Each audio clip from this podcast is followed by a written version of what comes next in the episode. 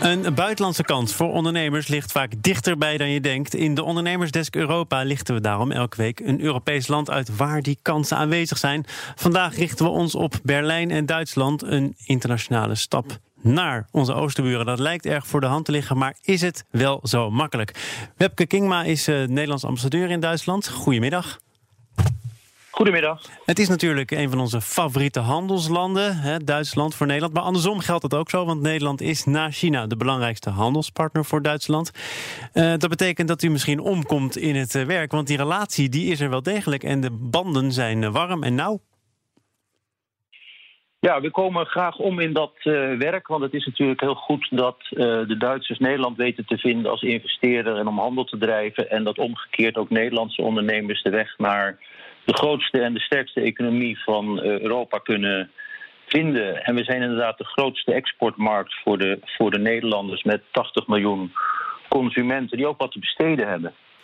U zegt het terecht, een grote en een sterke economie in Europa. Maar toch, als wij het hier uh, in dit programma over Duitsland hebben, dan is dat vaak met zorgen omgeven. Want die uh, Duitse economie die beleeft niet zijn beste fase. Is dit dan wel het moment om als Nederlandse ondernemer daar de kansen te gaan grijpen?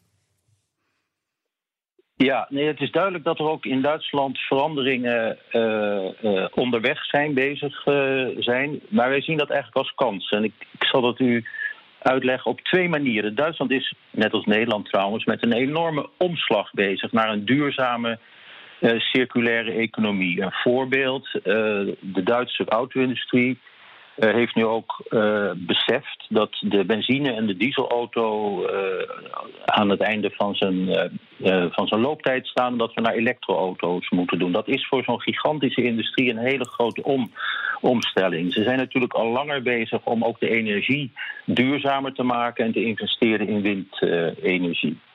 En daar in het verlengde daarvan, of daar tegelijkertijd, is er ook een enorme inhaalslag bezig op het terrein van innovatie. Denkt u aan het gebruik van artificial intelligence, robotica, gewoon digitalisering.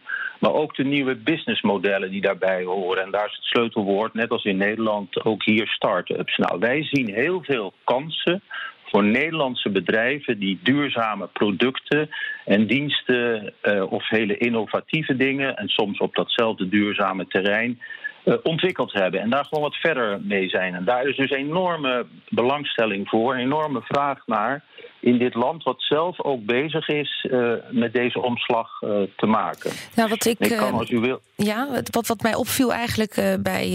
De, ik, ik, heb een handelsmissie in 2017 18 georganiseerd naar, naar Berlijn. Ik kwam daar met 40 eigenlijk MKB, MKB plus ondernemers. Um, zeer geïnteresseerd ook in de start-ups. We hebben veel start-ups en scale-ups gesproken. Um, en daar kwamen inderdaad enorm veel synergieën en mooie samenwerkingen uit. Um, dus wel degelijk, zeggen wij vanuit Founders Karma Network. Uh, uh, want we zijn daarna ook nog naar München geweest. We hebben echt Noord en Zuid gepakt. Dat er uh, in, in toch heel veel handel ligt voor de Nederlanders in Duitsland. Maar omgekeerd ook. Want ik merk dat het als een boemerang de Duitsers eigenlijk, omdat wij het hek openzetten naar de ondernemers in Nederland, hun weg vonden. Ja, dat kan ik mij, dat kan ik mij voorstellen. Kijk, de, het is altijd een beetje gevaarlijk om heel erg uh, gemeenplaatsen over uh, culturele, uh, culturele eigenschappen te gaan vertellen. Maar de Duitsers zit heel erg op. Ik wil mijn partner, mijn zakenpartner kennen. Ik nou, wil, zeker, want als ik daarop in mag haken... het is voor, uh, merk ik eigenlijk voor de Nederlanders... makkelijk zaken doen met Scandinavië en ook inderdaad Duitsland. Omdat we nou ja, vaak toch vrij duidelijk en helder met elkaar kunnen communiceren... en er niet echt een tweede agenda is. Ja, nou, er is ook Kijk, de meeste Duitsers uh, die vinden Nederland een land waar de dingen wat eerder gebeuren. We zijn wat flexibeler. We zijn, om dat woord maar even te gebruiken, nog innovatiever. We zijn wat speelser. Uh, en dat waarderen ze enorm in de Nederlanders. Ze beschouwen ons een beetje als het wat lossere broertje of zusje uh, van zichzelf. En dat geeft enorm veel sympathie. Dat ja. betekent niet dat we natuurlijk wel culturele verschillen zijn waar je bij het zaken doen uh, rekening mee Maar dan kunnen jullie als ambassade, want jullie zitten natuurlijk in dat prachtige Koolhaasgebouw in, uh, in Berlijn. Um, uh, daar kunnen jullie natuurlijk enorm veel aan doen. En ook, denk ik, de Nederlandse ondernemers goed in ondersteunen. Want wat is jullie visie daarop? Nou, onze visie is dat dat er dus heel veel mogelijkheden zijn. We hebben, Duitsland is ook een beurzenland, dat is ook typisch Duits.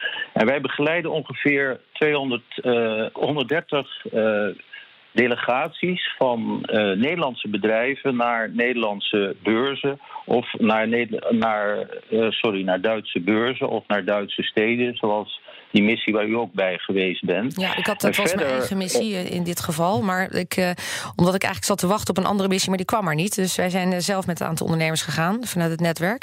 Maar nou ja, heel veel dank in ieder geval toen voor, de, voor het grandioze ontvangst. Een mooie handel is eruit gekomen. Ik denk dat dat een mooie afronding is. En we zullen het ongetwijfeld nog heel over Duitsland en de Duitse economie hebben. In dit geval deden we dat met Webke Kingma, de Nederlandse ambassadeur in Duitsland.